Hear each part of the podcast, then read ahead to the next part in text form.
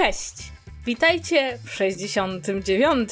odcinku podcastu Czytu Czytu. Podcastu o książkach, literaturze i wszystkim, co związanym z czytaniem. Ja się nazywam Kasia Czajka-Kominiaczuk i prowadzę bloga Zwierz Popkulturalny, a po drugiej stronie... Po drugiej stronie jest Megu z kanału, Instagrama, Twittera i Facebooka Katus Gikus. Na niektórych z tych platform jestem nieaktywna w tym momencie, ale tym się nie przejmujcie. Zamiast tego docencie bardzo subtelny żart Kasi, która ewidentnie modulowała głosem, czytając liczbę 69, ponieważ ma lat ponad 30 i wciąż nie potrafi przestać się śmiać czytając 69. Jesteśmy takie dorosłe. Ale dlatego, że jesteśmy takie dorosłe, to w 69 odcinku będziemy omawiały queerowy romans. Ponieważ co można robić w 69 odcinku? Tak, moi drodzy, dzisiaj będziemy mówić o książce. Właściwie to jest queerowy romans, trochę książka młodzieżowa. Ma tytuł Health Comfort. Napisała ją Weronika Łodyga i książka opowiada o dwóch młodych licealistach, którzy spotykają się pewnego deszczowego, wrześniowego poranka w autobusie. No i jak sami rozumiecie, po takim spotkaniu musi już nastąpić wybuch uczuć. I książka ta została nam przesłana przez wydawnictwo kobiece, które jest także sponsorem tego odcinka. I mówimy wam to z dwóch powodów. Po pierwsze, dlatego, że powinniście o tym wiedzieć, a po drugie, dlatego, że chcemy się wam pochwalić, że w końcu zarobimy jakieś pieniądze na podcaście i jesteśmy takie przedsiębiorcze w 69 odcinku.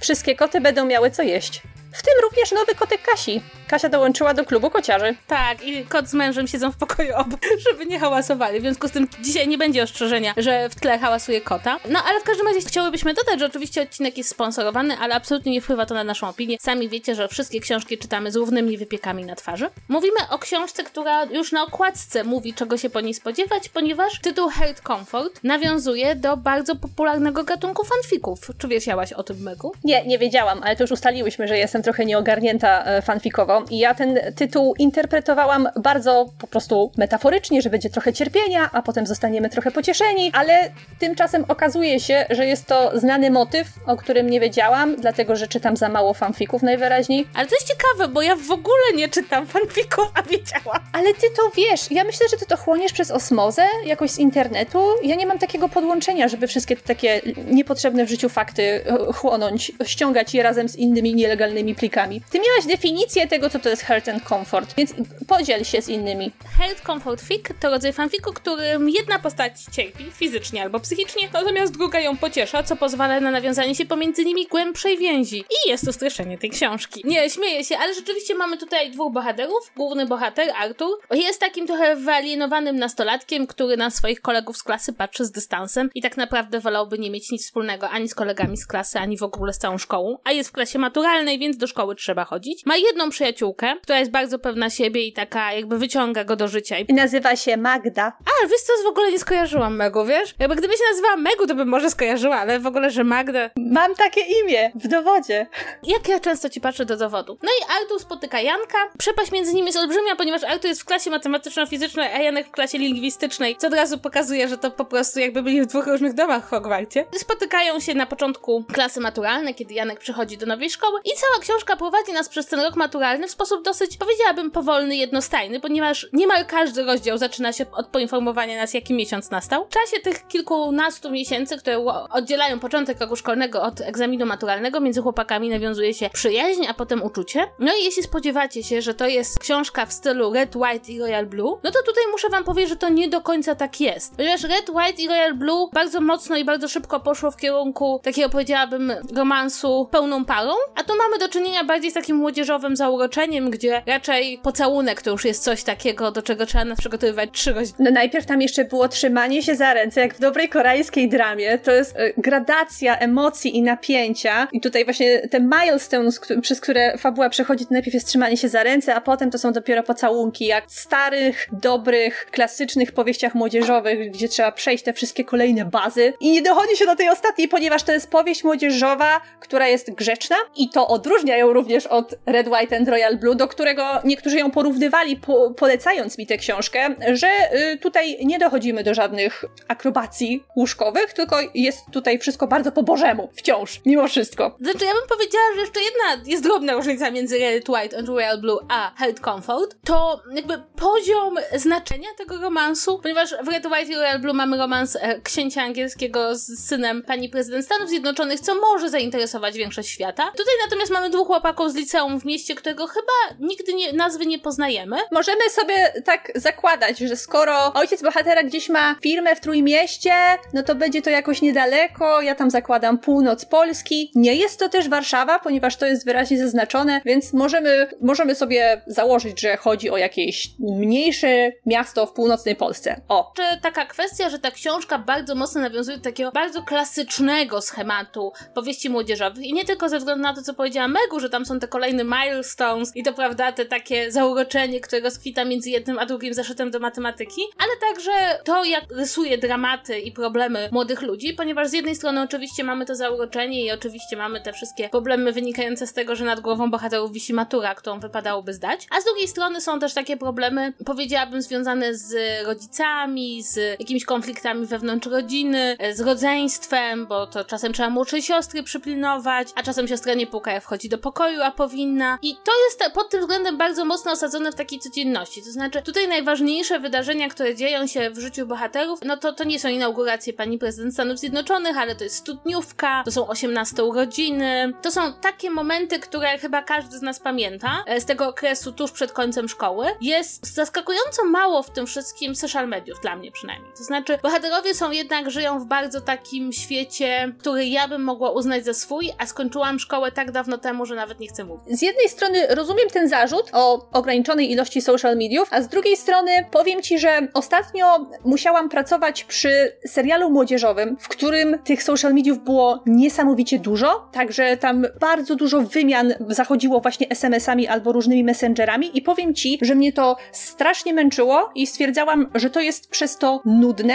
Rozumiem ten zabieg fabularny, który każe ograniczać te social media. Jest to w ten sposób trochę mniej, powiedzmy, na czasie, cała historia i trochę odstaje od obecnych realiów współczesnej młodzieży, ale z drugiej, z takiego technicznego punktu widzenia, rozumiem, dlaczego autorzy idą w tę stronę, bo jakoś tak wydaje mi się, że za bardzo skupianie się na social mediach ich ogranicza, a jednocześnie tak kreatywne wykorzystanie social mediów, żeby się nie ograniczać i żeby było to trochę inne i fajne, nie każdy potrafi robić, więc może bezpieczniej jest po prostu też social media jednak wywalać z tego świata przedstawionego. Tak mi się przynajmniej, tak mi się przynajmniej wydaje. Mój zarzut wynika chyba po części z tego, że autorka książki, Weronika Łodyga, jak mówi nam skrzydełko, jest rocznik 93. Ja przyznam szczerze, że dla mnie rocznik 93 dopiero kończy podstawówkę, przynajmniej tak w mojej głowie, a oni tymczasem już książki piszą jako dorośli ludzie. Chcesz powiedzieć, że my już nie żyjemy w latach 90., a to nie są małe dzieci? Przepraszam, który mamy rok? Ja ostatnio zaczęłam liczyć, ile minęło od lat 90. i się przeraziłam i po prostu przestałam liczyć, bo to było bolesne. Dlatego na to zwracam uwagę, bo ludzie 93 roku już skończyli tą podstawówkę, ale nadal ja zawsze bardzo lubię, kiedy książki młodzieżowe piszą młodsi autorzy,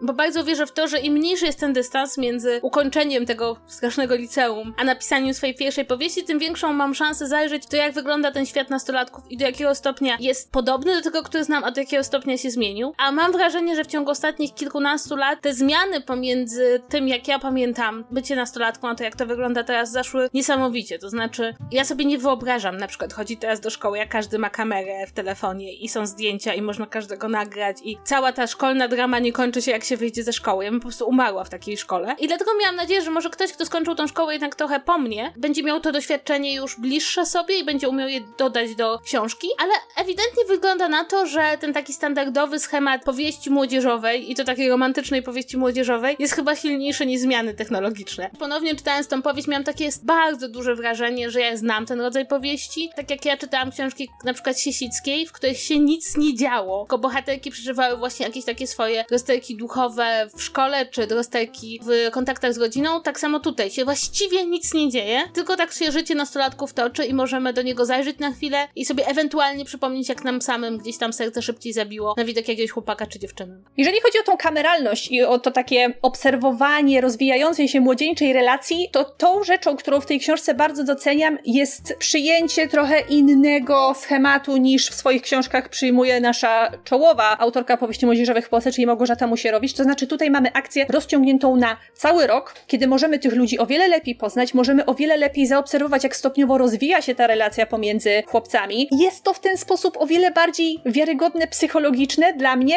a to jest ta rzecz, na którą ja strasznie zwracam uwagę w powieściach młodzieżowych. Czy nie ma tam tanich, pustych dram, które są tylko pretekstem do tego, żeby wprowadzać jakieś zamieszanie i rozdzielać naszych bohaterów? Czy tam nie jest wszystko strasznie napompowane, żeby było jak najwięcej dramatów? A przede wszystkim, czy ten związek i ta relacja pomiędzy dwoma postaciami nie rozgrywa się w ciągu dwóch, trzech dni, po której oni wyznają sobie dozgodną miłość do grobowej deski, bo ja tego nie cierpię. I tutaj pod tym względem to jest o wiele bardziej życiowe i wydaje mi się, że młodzi ludzie łatwiej się w takiej właśnie historii odnajdą, że będą mogli ją obserwować na dłuższej rozpiętości czasu nazwijmy to. I to, mi się, I to mi się podoba. Inną rzeczą, która mi się w tej książce podoba, jest to, że chociaż mamy tutaj do czynienia z queerowym romansem, to nie jest ten schemat historii, który bardzo często w takim stereotypowym queerowym romansie można było spotkać. To znaczy, że były tam ogromne życiowe wydarzenia, było tam uświadamianie sobie swojej orientacji seksualnej, które wywracało życie młodego człowieka do góry nogami, albo życie całej jego rodziny, albo pojawiało się tam ogromne prześladowanie samobójstwa, kiedyś HIV, bo tam większość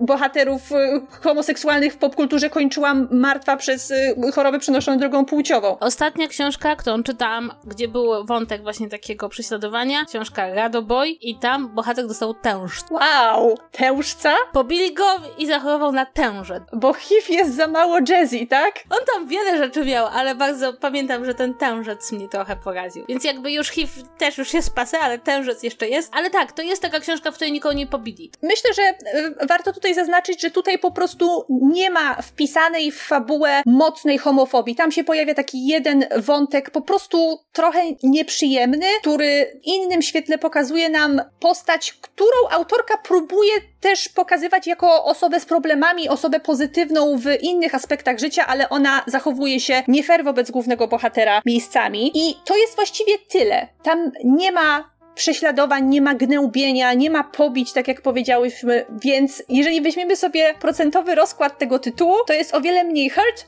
o wiele bardziej komfort, bo to jest o wiele bardziej historia taka kameralna, ciepła, spokojna, bez pędzenia pociągiem emocji i y, wielkich dram. Dlatego w ten sposób to się staje o wiele bardziej życiowe dla mnie. To znaczy, nie umniejszając absolutnie osobom, które są nieheteronormatywne i y, spotykają się na co dzień z prześladowaniem, bo to nie o to chodzi, ale myślę, że to pokazuje, że ci młodsi autorzy od nas szukają zupełnie innych rzeczy w powieściach młodzieżowych, zwłaszcza w romansach queerowych, że oni nie bardzo chcą pisać ani czytać o wielkim cierpieniu cierpieniu, ale po prostu o normalności i o tym, że queerowość jest dodatkiem do romansu, a nie, że cały romans jest zbudowany na tym, że postacie są nieheteronormatywne. Zgadzam się z tobą i mi się to też bardzo podobało. Podobało mi się także to, że w tej książce pojawia się nawet taki drobniutki fragmencik, gdzie bohater się tak przez chwilę zastanawia, a może, a może byłby się gotów pocałować z dziewczyną. I to budzi w nim takie pytanie, to co to właściwie miałoby znaczyć. I, i padają takie dosyć fajne stwierdzenia, że te orientacje, które czujemy, to one mają nam pasować, a nie mają być jakimś takimi szufladkami, do, do jakich trafiamy. I wydaje mi się, że to jest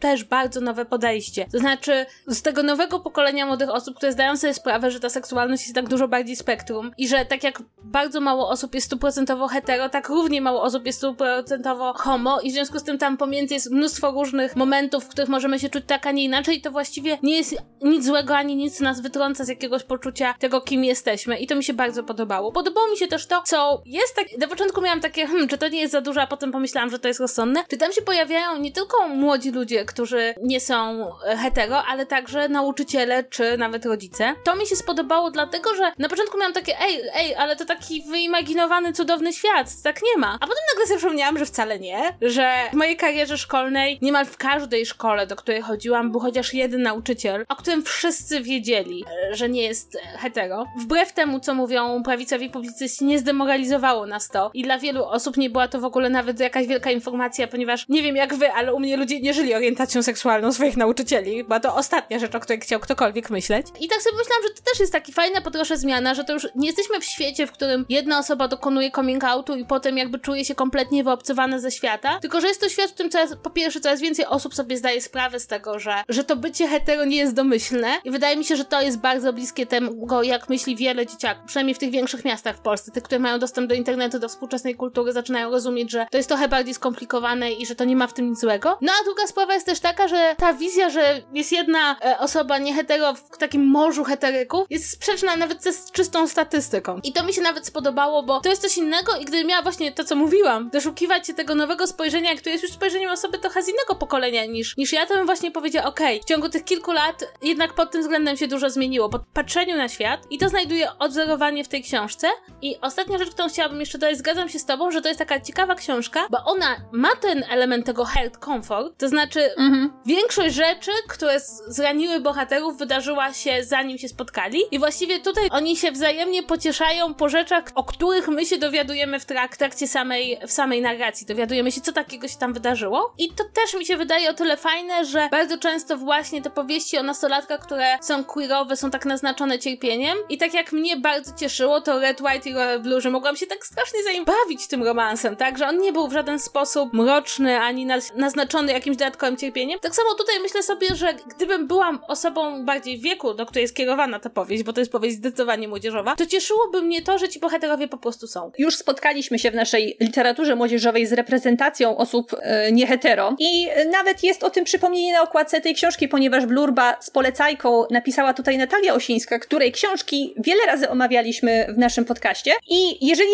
mamy już porównywać Hurt and Comfort do jakiejkolwiek innej powieści, to właśnie trzeba by ją porównywać do powieści osińskiej, do fanfika i do kontynuacji fanfika, do slasha. I do flafu. Chciałam powiedzieć slashera. Zaraz, to nie był slasher, to był slash. Okej. Okay. I do flafu. Dokładnie, to była ta trylogia. Bo to jest właśnie ten typ powieści, o której mówimy. Przy czym, jeżeli miałabym porównać części składowe i stężenie dramatów obydwu, wydaje mi się, że Hurt and Comfort wciąż jest tą bardziej pluszową, przyziemną i kameralną historią, nawet w porównaniu z Osińską. Także częściej ostatnio pojawiały się porównania do Red, White and Royal Blue i na tej podstawie dużo osób mi o tej książce mówiło, bo wiedzieli, że ja Red, and Royal Blue bardzo lubię, ale to jest zupełnie inny rodzaj historii i Hurt and Comfort będzie zdecydowanie bliższe polskiemu czytelnikowi, zwłaszcza takiemu, który jest w targecie, a umówmy się, my tak troszeczkę za ten target już wystajemy. Tylko odrobinkę, tylko odrobinkę. Tylko odrobinkę, tylko, tylko ciut. No, powiedziałyśmy, że autorka jest od nas młodsza, więc tam można się domyślić, ile mamy mniej więcej lat, ale nie będziemy tego zdradzać, bo dam się o wiek nie pyta. Jest to na pewno łagodniejsze niż e, książki osińskie. Książki osińskie są jednak dużo bardziej problematyczne.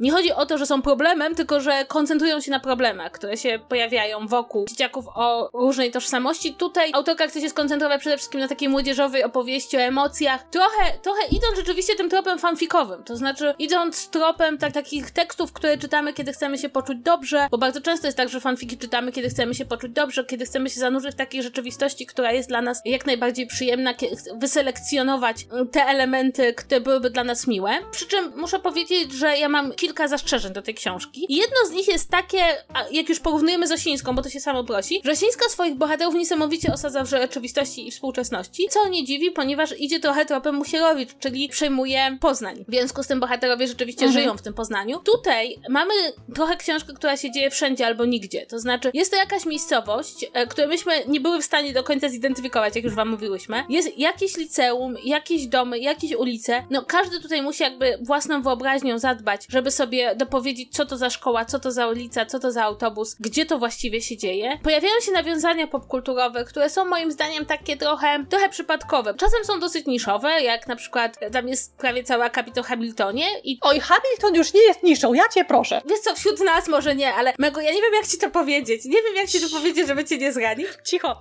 Natomiast z drugiej strony, na przykład tam, gdzie się pojawia jakiś spór pomiędzy fanami Gwiezdnych Wojen i Star Treka, e, to wydało mi się to takie bardzo, bardzo mało osadzone w rzeczywistości tak naprawdę i takie trochę wzięte z jakichś takich tropów, jak pokazać, że bohaterowie interesują się popkulturą. I ja chyba wolałabym, żeby ta książka była bardziej osadzona w rzeczywistości, gdyby autorka zdecydowała się na konkretną miejscowość, konkretne ulice, konkretne budynki, bo ja wolę takie powieści. Akurat w przypadku polskim mam wrażenie, że bardzo wielu autorów od tego ucieka, jakby się bało osadzić książkę w Polsce, a jednocześnie właśnie przez to ta książka ma taki trochę fanfikowy charakter, bo jeśli bohaterka ucieka, autor ucieka od pewnego osadzenia swojej powieści w taki bardzo mocny sposób w rzeczywistości, to może stworzyć właśnie tą taką flafową wizję, w której wszystko będzie dobrze. Tutaj się zgodzę, wydaje mi się, że takie książki, które rozgrywają się w konkretnym miejscu, mają troszeczkę więcej charakteru w ten sposób, nawet jeżeli to jest miejsce, w którym ja nie mieszkam, nie muszę się czuć mhm. aż tak bardzo związana z danym miastem, ale w ten sposób fajniej się to czyta i fajnie jest jednak umiejscowić taką książkę na mapie. Tylko, że dla mnie to nie był aż taki wielki problem. Dopiero teraz, jak zaczęłyśmy rozmawiać, zdałam sobie sprawę z tego, że tutaj właściwie nie jest wymienione miasto, w którym rozgrywa się cała akcja, więc to świadczy tylko o tym, że po prostu nie zwróciłam na to uwagi. Jeżeli miałabym ja mieć jakikolwiek zarzut do tej książki, to tutaj będzie trochę zaprzeczanie temu, co powiedziałam wcześniej, bo ja chyba jednak wolałabym, żeby tam się odrobinkę więcej działo i żeby rozpisanie całej tej relacji pomiędzy Jankiem a Arturem wykraczało trochę bardziej ponad taki pamiętnik zwykłego nastolatka. Ale to dlatego, że ja po prostu lubię dramy i lubię dręczyć ludzi i też, no nie ukrywajmy, ja nie jestem w targecie tej książki, więc troszeczkę już po prostu wyrosłam z tego rodzaju narracji. Ja potrafię za to w tej powieści docenić inne rzeczy. Na przykład podoba mi się to, przedstawienie, jak wszyscy bohaterowie tej książki mają problemy rodzinne i jak żyją w rodzinach zupełnie innego formatu. To znaczy, mamy tutaj Janka. Jeżeli mamy coś powiedzieć więcej o naszych bohaterach, Janek jest taką osobą bardzo otwartą, bardzo pogodzoną ze światem. On jest takim urodzonym optymistą i dlatego on jest tą częścią komfort naszego tytułu, ponieważ to on przez cały czas pociesza głównego bohatera i stara się go wyciągnąć do ludzi, wyciągnąć go do bardziej pełnego życia. I jego rodzina jest najbardziej normalna w tym wszystkim, ponieważ on ma oboje rodziców. On ma młodszą siostrę, którą bardzo kocha i co przez cały czas podkreśla, opowiadając o tym, jaki to on jest z niej dumny i co to ona znowu mądrego nie wymyśliła. Jego rodzice są dosyć ciekawymi postaciami, zwłaszcza tata. Mnie się tam strasznie podoba ta scena, jak tata się pojawia na scenie i w tym momencie główny bohater, widząc pierwszy raz swojego potencjalnego przyszłego teścia, stwierdza, że podobają mu się starsi mężczyźni, bo to jest takie super okładne, ale ja doskonale rozumiem to uczucie, że mo może się człowiek tak, tak y, czasem poczuć i to jest coś, czym na pewno nie chciałby się dzielić z innymi, ale w narracji książki, jeżeli jest tą osobą, której perspektywę poznajemy wydarzenia, to bardzo fajnie potem y, wychodzi, bo to jest takie normalne. Ja to doskonale rozumiem. Mego, co nam chcesz powiedzieć? Nie potrafię sobie przypomnieć teraz żadnego konkretnego przykładu, ale jestem pewna, że miałam takie, wiesz, myśli w życiu, że o, ten tata mojej koleżanki jest fajny. Za 30 lat fajnie byłoby mieć takiego męża. O, coś w tym rodzaju. Wszystko po Bożemu, wszystko, wszystko grzecznie. I wracając do tych bohaterów, tam jest też ta Magda, ta najlepsza przyjaciółka Artura i ona z kolei ma taką relację z rodzicami, pochodzi, nie chcę nazwać tego rozbitą rodziną, jej rodzice po prostu są rozwiedzeni, to ta matka jest tutaj bardziej pokazana jako taka negatywna postać, ponieważ w jakiś sposób utrudnia teraz córkom kontakt z ojcem, który przebywa za granicą i którego te córki bardzo kochają i za nim tęsknią. I to widać właśnie w postaci tej Magdy, która na co dzień jest taką mroczną gotką, ale kiedy mówi ojcu albo spotyka ojca, to zaczyna się zupełnie inaczej zachowywać i się o wiele bardziej rozpromienia. I w końcu mamy Artura, który mieszka sam, bez taty, ponieważ mieszka bez mamy, ale jego ojciec pracuje w innym mieście, więc dojeżdża tylko od czasu do czasu i to jest taki, taki trochę niepopularny format. Czy to jest w ogóle legalne, żeby dziecko mieszkało samo przed 18 rokiem życia, bez żadnego rodzica?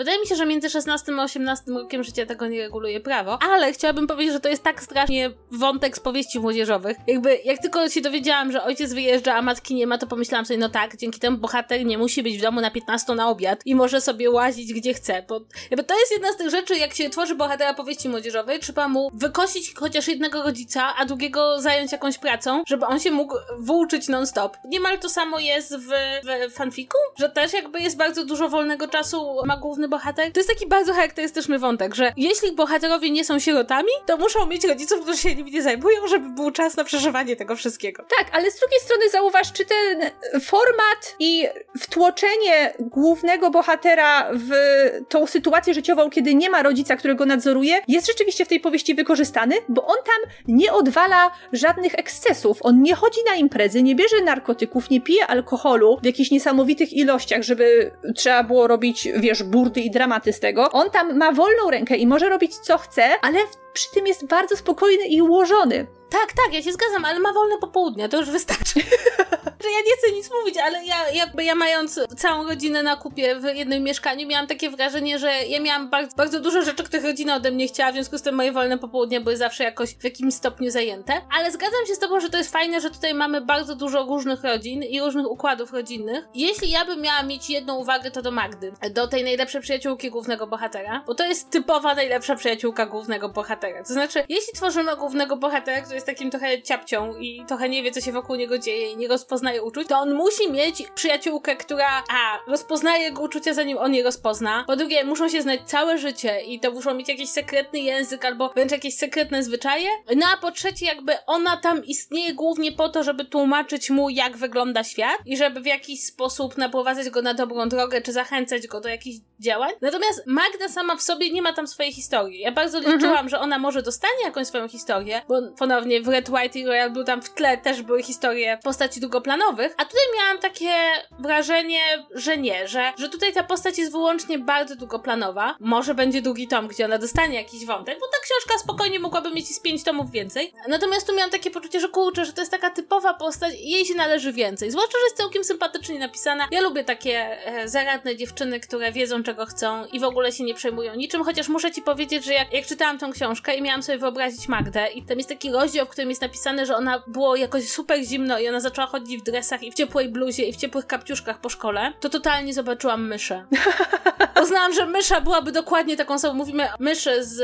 Mysza mówi. Z mysza mówi i z kanału Podsłuchane i myślałam zawsze sobie, że mysza byłaby dokładnie tą osobą, która jakby było bardzo zimno, założyłaby ciepłe kapciuszki do szkoły. Jakoś ją zobaczyłam oczyma duszy mojej. Jakie ciepłe kapciuszki? To byłoby onesie. Onesie, tak, na 100%.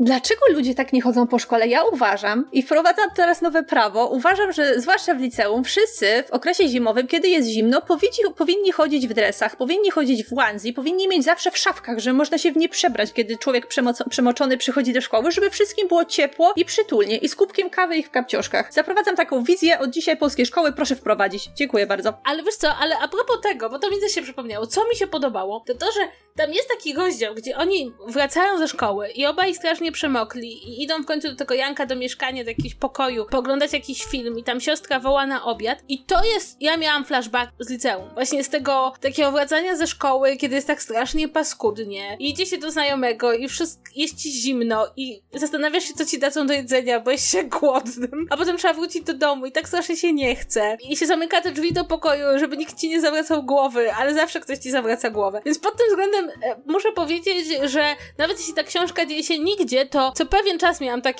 takie właśnie flashbacki z Wietnamu, chciałam powiedzieć, nie, ale z takich czasów, czasów licealnych, kiedy, kiedy rzeczywiście nigdy potem człowiek nie jest tak, tak wyrzęty przez życie. Ale chciałabym wrócić do tego, co powiedziałaś o tym, że ta książka e, równie dobrze mogłaby mieć następne części, bo ja tam widzę potencjał, żeby z różnych postaci drugoplanowych zrobić bohaterów przyszłych e, elementów cyklu. Zaczęłaś mówić o Magdzie, to raz, ale tam jest jeszcze taka postać trochę pozytywna, trochę negatywna, bo nie wiadomo o co ona tam właściwie kombinuje. Jest tam postać Anity, o której też jest powiedziane, że ona ma problemy w domu, że pochodzi z rodziny wielodzietnej i spada na nią opieka nad młodszą siostrą, z czym ona sobie po prostu nie radzi. Jest też wzmianka o tym, że mają zostać wyeksmitowani z obecnego domu, co nie jest później rozwinięte, ale wiemy przez to, że sy sytuacja bohaterki rodzinna nie jest najciekawsza. I myślę, że to by mogła być też ciekawa postać na jakąś inną książkę. Tak samo zresztą jak te postaci, które tam y, pojawiają się jeszcze bardziej w tle, bo jest ich jeszcze mniej, to są ci przyjaciele Artura z przeszłości. Jest Lilka i bodajże Marcin. I tam jest y, ciekawe zakończenie tego wątku i to jest spoiler, więc y, nie, nie chciałabym za bardzo o nim opowiadać, ale to też są postacie, które mają jakiś potencjał na własną historię, bo tam też jest jakiś, jakiś wątek kanału na YouTubie, więc wiesz, to już są rzeczy takie, z którymi ja, ja się troszeczkę y, bardziej identyfikuję. Taka polska powieść osadzona w środowisku youtuberów, queerowy romans w środowisku youtuberów, rzucam pomysł, to też byłoby coś ciekawego, o czym chciałabym poczytać. Mego, przyznaj się, czekasz na kolejny tom o ojcu Janka po prostu, bo to też jest postać. No ale to, to już wiesz, to już nie wtedy, to już nie powieść młodzieżowa. To, o, to słuchaj, taki prequel, bo on tam opowiada o swoich ekscesach z, mł- z młodości i ja bym ten prequel przeczytała, tylko wiecie, żeby to było bardziej w stylu Red, White and Royal Blue, to znaczy, żeby tam było bez cenzury. Czytałabym. Czytałybyśmy, czytałybyśmy, tak. To jeżeli autorka nas słucha, to ja tutaj mam nadzieję, że notuje nasze pomysły i yy, koncepcje na dalsze części cyklu. My w ogóle możemy stworzyć Hate Comfort Universe. My, my to załatwimy. Będą i problemy społeczne, i, i coś do czytania pod poduszką ciemną nocą, więc spoko, my sobie z tym poradzimy. Ale w ogóle chciałabym ci powiedzieć, że to jest bardzo ciekawe, że teraz ukazuje się coraz więcej tych powieści młodzieżowych o młodzieży queerowej. I tak się zastanawiam, bo z jednej strony oczywiście e, to jest tak, że po prostu zmieniają się czytelnicy, chcą troszeczkę reprezentacji, chcą poznać inne modele romansów, prawda? Myśmy tutaj same, pamiętasz nasz pierwszy odcinek, kiedy czytałyśmy Milion odsłon Tash e, o dziewczynie, która jest aseksualna, potem czytałyśmy Osińską, no czytałyśmy, no Red, White and Royal Blue to nie jest taka typowa powieść młodzieżowa. W międzyczasie wyszło Love Simon, wyszło mnóstwo książek o właśnie młodzieży takiej queerowej, która się zakochuje. Również ta, którą ty tak e, strasznie skrytykowałaś wcześniej, jak to się nazywało? Radoboy. Radoboy, widzisz, czyli jest hit and miss. Są takie, które się udają, są takie, które się mniej udają. Nie wiem, czy pamiętasz, jak omawiałyśmy fanfic Osińskiej, to wtedy wyrażałyśmy taką ogromną nadzieję, że ta książka przetrze szlaki właśnie queerowym powieściom młodzieżowym w Polsce, bo to zwłaszcza u nas tego rodzaju podejście i tego rodzaju historie są bardzo potrzebne. I widać, że Hurt and Comfort jest takim przykładem na to, że ten format rzeczywiście ma szansę się sprzedać i że wydawnictwa chcą w coś takiego inwestować i to jest spoko. Ja jestem za tym, żeby było ich jeszcze więcej. A jednocześnie ja się zastanawiam, czy to nie jest znowu to samo, co zresztą mam wrażenie zaszło w świecie normalnej komedii romantycznej, normalnego melodramatu, e, normalnego, czyli takiego klasycznego, przepraszam, klasycznego melodramatu czy komedii romantycznej, że już tyle razy obejrzeliśmy to wszystko w wersji hetero i już wiemy po prostu, jaki każdy będzie ruch naszych bohaterów, jak zareagują inni. Trochę już się skończyły perypetie, bo kiedyś te główne perypetie wynikały z różnic klasowych, z jakichś daleko idących różnic ambicji, a teraz właściwie trochę wszystko, jakby żyjemy w takim pozornym świecie powszechnej równości, gdzie to wszystko da się przezwyciężyć i jest głód nowych opowieści, nowych perspektyw, bo jednak wszyscy chcemy sobie poczytać o tych pierwszych zauroczeniach, czy chcemy jakiś fajny romans, gdzie coś stoi bohaterom na przeszkodzie. I właśnie pójście w tą queerowość pozwala nam paradoksalnie odegrać jeszcze raz rzeczy, które już znamy. No bo powiedzmy sobie szczerze, gdyby Hate Comfort był książką o mało pewnej siebie dziewczynie, którą kiedyś rzucił chłopak i ona teraz boi się otworzyć przed nowym i udziela korepetycji chłopakowi z innej klasy, a tamten udziela jej korepetycji, to byśmy powiedzieli sekundkę. Przecież my to znamy. Nie ma tu napięcia, jakby nie, nie ma wypieku na twarzy. Tą książkę już czytaliśmy wiele razy, ale przez to, że to jest dwóch chłopaków, to nagle jakby wszystko odkrywamy na nowo. Mimo, że ta historia nie jest bardzo różna pod względem reakcji, emocji, nawet kontaktów między rówieśnikami, to jakby te emocje, bo, bo to jest dwóch chłopaków, to tego jeszcze nie było, odkrywamy na nowo. I mam takie wrażenie, że to jest bardzo ciekawe, jak, jak właśnie otworzenie się na te narracje queer otwiera nas jeszcze raz na przeżycie czegoś, co już przeżyliśmy w tej formie hetero i gdyby nam to zaproponowano jeszcze raz, to byśmy już wymiotowali po prostu z nudów. A tak mamy na zasadzie, uuu, ale oni się lubią, ale czy oni się wystarczająco lubią, ale czy do siebie pasują? Oni się nie porozumieli i przez dwa dni ze sobą nie rozmawiali. To szok. Więc, więc mam takie wrażenie po prostu, że to jest ciekawe, że tak naprawdę wracamy do bardzo klasycznych motywów i bardzo, bardzo klasycznych emocji. Pytanie, czy już istnieje seria retellingów klasycznych romansów, w której jest nie tyle gender, gender czyli zamienienie płci bohaterów, co właśnie zamienienie głównej pary związkiem niehetero, bo uważam, że powinna być taka seria. Czy już istnieje taka seria? My jesteśmy po prostu jak na speedzie, po prostu wy wymyślamy... Rzucam pomysł, pisarze, którzy nas słuchają. To jest fantastyczne, taką na przykład trendowatą przepisać. O matko, i to, i to wszystko, wiecie, jeżeli uważacie, że dla dorosłych to by było tłumacz, to zróbcie to w, w konwencji powieści młodzieżowej, to się sprzeda. Tak. Wszystkie lektury szkolne przepisać na romanse nie hetero i przepisać na powieści młodzieżowe w ten sposób. O mój Boże, patent, przepraszam, gdzie tu się składa patenty? Gdzie trzeba, ja, ja, ja muszę to opatentować. Czy ty sobie wyobrażasz lalkę przełożoną na high school? O mój Boże, tak. Tak, o dziwo też jestem to sobie w stanie wyobrazić. Widzicie, e, właśnie to jest coś, za co, czego się nie da opłacić, nasza kreatywność. Ale w każdym razie muszę powiedzieć, że jeszcze jedna rzecz mi się bardzo w tym hate comfort podoba i z jednej strony mi się podoba, z drugiej strony jak to zobaczyłam, to zaczęłam się zastanawiać, czy to nie jest niestety bardzo smutny element naszych czasów, ponieważ ogólnie ta książka jest bardzo ładnie wydana, ma taką bardzo sympatyczną, gładką okładkę fioletową, bardzo mi się podobającą. Jak czekolada Milki. Jadłam czyta- czekoladę Milkę czytając tę książkę i właśnie tak przykładałam ten papierek do okładki i myślałam, że wyglądają tak samo i są tak samo słodkie. I mają takich dwóch ładnie zaszkicowanych chłopaków trzymających się za rękę i rzeczywiście... Ej, właśnie, a propos, który jest który? No dla mnie to jest jasne, ten, ten w okularach to jest Artur. Artur nosi okulary. Okej, okay. bo moja wyobraźnia coś tutaj y, źle zadziałała i ja przez cały czas wyobrażałam sobie Artura jako postać w okularach z długimi blond włosami. Nie wiem skąd mi się to wzięło. Jest mi bardzo przykro może dlatego, może dlatego, że mam kuzyna, który właśnie tak wygląda i się nazywa Artur. Ale w każdym razie chciałam powiedzieć, że rzecz, która tutaj jest jakby tak, aha, to e, druga strona okładki, czyli ta od wewnątrz, ta, którą widzi czytelnik, jest tęczowa. A, rzeczywiście. Jak to zobaczyłam, to z jednej strony zrobiło mi się strasznie miło, bo, bo zawsze miło zobaczyć tęczę na książce, która wychodzi w Polsce, a z drugiej strony miałam taki moment takie zawahanie, czy ta tęcza nie jest na wewnętrznej stronie okładki po to, żeby, żeby młody człowiek czytający tą książkę w Polsce, e, który szuka pocieszenia, nie dostał wpysk. I to był taki moment, w którym właśnie sobie pomyślałam, że ten hate comfort rozgrywa się głównie w sercach młodych, młodych ludzi, którzy są z queerowi w Polsce i muszą się na każdym, na każdej chwili zastanawiać, czy ktoś ich nie zrani i pod tym względem ta książka e, chyba jest taką bezpieczną przystanią, która im mówi, że, że istnieje jakiś taki fantastyczny świat, gdzie wszystko będzie dobrze, ale nie zmienia to faktu, że jak zobaczyłam tą tęczę na wewnętrznej okładce, to, to sobie właśnie tak pomyślałam, że kurczę, że, że, to, że to jest z jednej strony śliczne i fajne i, i pozytywne, a z drugiej strony w jakiś sposób smutne. Ale z drugiej strony to też nie jest tak, że przecież ta książka na okładce ukrywa o czym jest. Mamy tutaj obrazek dwóch chłopaków trzymających się za ręce, więc wszystko jest jasne. Ale wiesz co, to też jest trochę tak, że w Polsce tęcza jest jak płachta na byka, nie? To znaczy jakby już, to też nie jest tak, że wszystko co jest tęczowe jest queerowe. Jednak mimo wszystko, nie wiem, przedszkole tęcza raczej nie powstało, żeby indoktrynować dzieci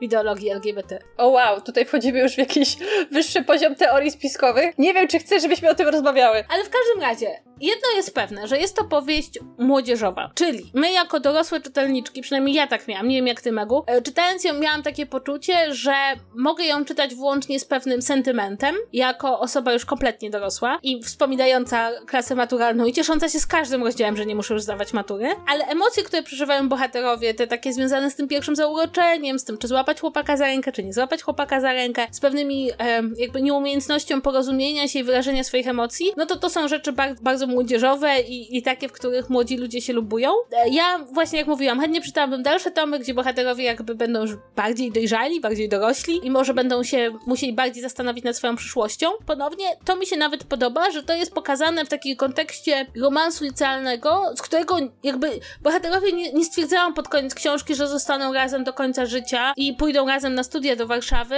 i wynajmują razem mieszkanie e, i adoptują buldożka francuskiego. Nie, tam każdy z nich ma wyraźnie inne plany i do innej ścieżki życiowej się y, przygotowuje, bo nasz Artur jest artystą, on chce zdawać na architekturę. To wcale nie jest takie proste. Zdawanie na architekturę? No bo tam są egzaminy, trzeba rysować bryły. Ja kiedyś miałam taki pomysł, że ja sobie pójdę na Akademię Sztuk Pięknych, więc porysowałam trochę brył i bardzo słabo to wspominam, dlatego... A czy ja ci mogę powiedzieć anegdotkę?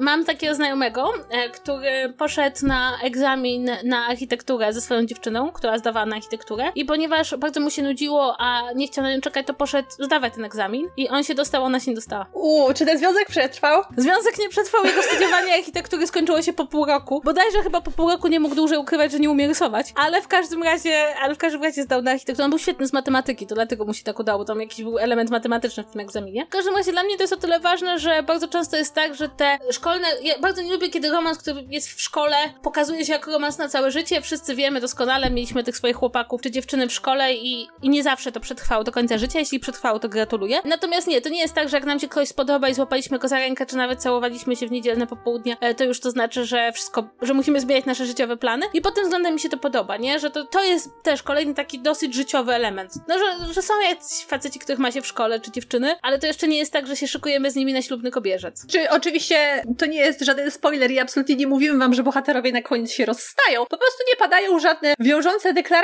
które e, niestety, znowu wracamy do Małgorzaty robić bardzo często padają w jej książkach po trzech dniach znajomości, że tutaj ktoś pada na kolana i się oświadcza. Więc to nie jest tego typu lektura, to nie jest tego typu związek. I tak jak już powtarzałam chyba wielokrotnie w tym odcinku, to jest po prostu o wiele bardziej bliskie normalnemu życiu nastolatka. I to chyba wszystko, co mam wam do powiedzenia o tej książce. Jak widzicie, jest to naprawdę fantastyczna lektura, która sprawia, że na przykład mam pomysły na to, jak, jak przerobić literaturę polską na to, żeby wszystko było queerowym, młodzieżowym romansem. Naprawdę, jeśli, jeśli przepiszecie nam lalkę albo chłopów, ja bym chciała, żeby ktoś przepisał chłopów na queerowy, młodzieżowy romans dziejący się w high schoolu na wsi. To byłoby... Przedwiośnie. Myślisz, że da się przepisać przedwiośnie na cokolwiek, co było ciekawym romansem? Queerowy romans zawsze wszystko dostaje plus 20 do ciekawości, więc owszem, da się. W każdym razie, widzicie, macie pracę domową, ponieważ mówiłyśmy bardzo dużo o szkole, o maturze, to macie pracę domową. Zapiszcie sobie jakiś, wiecie, znajdźcie jakąś fabułę dobrej, klasycznej powieści, którą się omawia w liceum i spróbujcie ją przepisać na queerowy romans w high schoolu. Jak się wam uda, to brawo. Jesteście na dobrej drodze do hitu literackiego. A jeżeli chcecie się podzielić z nami swoimi pomysłami, to oczywiście piszcie nam to w komentarzach, my chętnie poczytamy. I jeśli chcecie się naprawdę takiej lektury, którą czyta się miło, sympatycznie i która trochę podnosi na duchu i rzeczywiście może przytula, słuchajcie, idzie jesień, człowiek potrzebuje, żeby go książki przytulały, to rzeczywiście Hard Comfort e, tutaj pasuje. Ta książka wyszła w imprincie Young, wydawnictwa kobiecego, jest dostępna w księgarniach, jest dostępna w e-bookach, bo chyba można ją nawet przeczytać na Legimi. E, nie ma problemów z tłumaczeniem, ponieważ została napisana po polsku, widzicie same plusy. Jaka szpila! Nie. nie, ale wiesz, no to come on, jeden, jeden problem odpada. No i właśnie, jeśli lubicie literaturę młodzieżową w takim, e, taką osadzoną w takiej codzienności, albo jeśli po prostu szukacie takiej powieści o, o młodych ludziach, którzy nie są hetero, to wydaje mi się, że to was po prostu, wam się to spodoba. I to chyba tyle, co mamy wam dzisiaj do powiedzenia. Magu, czy masz jeszcze coś do dodania? Czy masz jakąś myśl, która nam, nas tak doprowadzi do portu zakończenia tego podcastu? O mój Boże, dlaczego ty takie ciśnienie na mnie zrzucasz? Skąd ta presja? Ja, jest, ja się czuję teraz jak ten papież z głazem na, na, na, nad głową i ten głaz to są te oczekiwania, które ty wobec mnie masz. Słuchaj, ja wam, ja wam mogę polecić bardzo sympatyczną, przytulaśną do serduszka książkę o queerowym romansie dla młodzieży. Wiecie, że bardzo chciałyśmy, żeby więcej takich książek ukazywało się u nas na rynku i bardzo nas cieszy to, że rzeczywiście to się dzieje, więc to jest super. Jeżeli chcecie, żeby ich było jeszcze więcej, to po prostu co trzeba robić? Trzeba te książki kupować. Więc bardzo serdecznie was do tego zachęcamy, bo w tym przypadku naprawdę warto. A my jak zawsze, e, zawsze przypominamy wam, że możecie do nas pisać e, na, na maila kontakt małpa czytu czytu.pl. Możecie polubić naszego fanpage'a, możecie polubić nasz kanał na YouTube, możecie subskrybować e, nasz podcast na iTunesach i możecie nam zostawić tam recenzję. Możecie subskrybować na podcast na Spotify, dzięki czemu znajdziemy się w setce najchętniej słuchanych podcastów na Spotify, co nie daje nam absolutnie nic poza poczuciem, że nasze życie nie jest bez sensu. I to chyba byłoby tyle w tym tygodniu. Ponownie przypominam, że był to odcinek, który powstał we współpracy z wydawnictwem kobiecym, które było na tyle miłe, że nam przysłało książkę i nie musiałyśmy iść do księgarni, co jak wszyscy wiedzą jest bardzo trudne, kiedy człowiek jest dorosły, a księgarnie są daleko, bo człowiek wchodzi kupić jedną książkę, wychodzi dziesięcioma. Więc jedyny sposób, żeby się nie wyprztykać z całej kasy, to żeby wydawnictwa przysyłały ci książki. I to wszystko w tym tygodniu. Do usłyszenia następnym razem. Pa pa! pa, pa!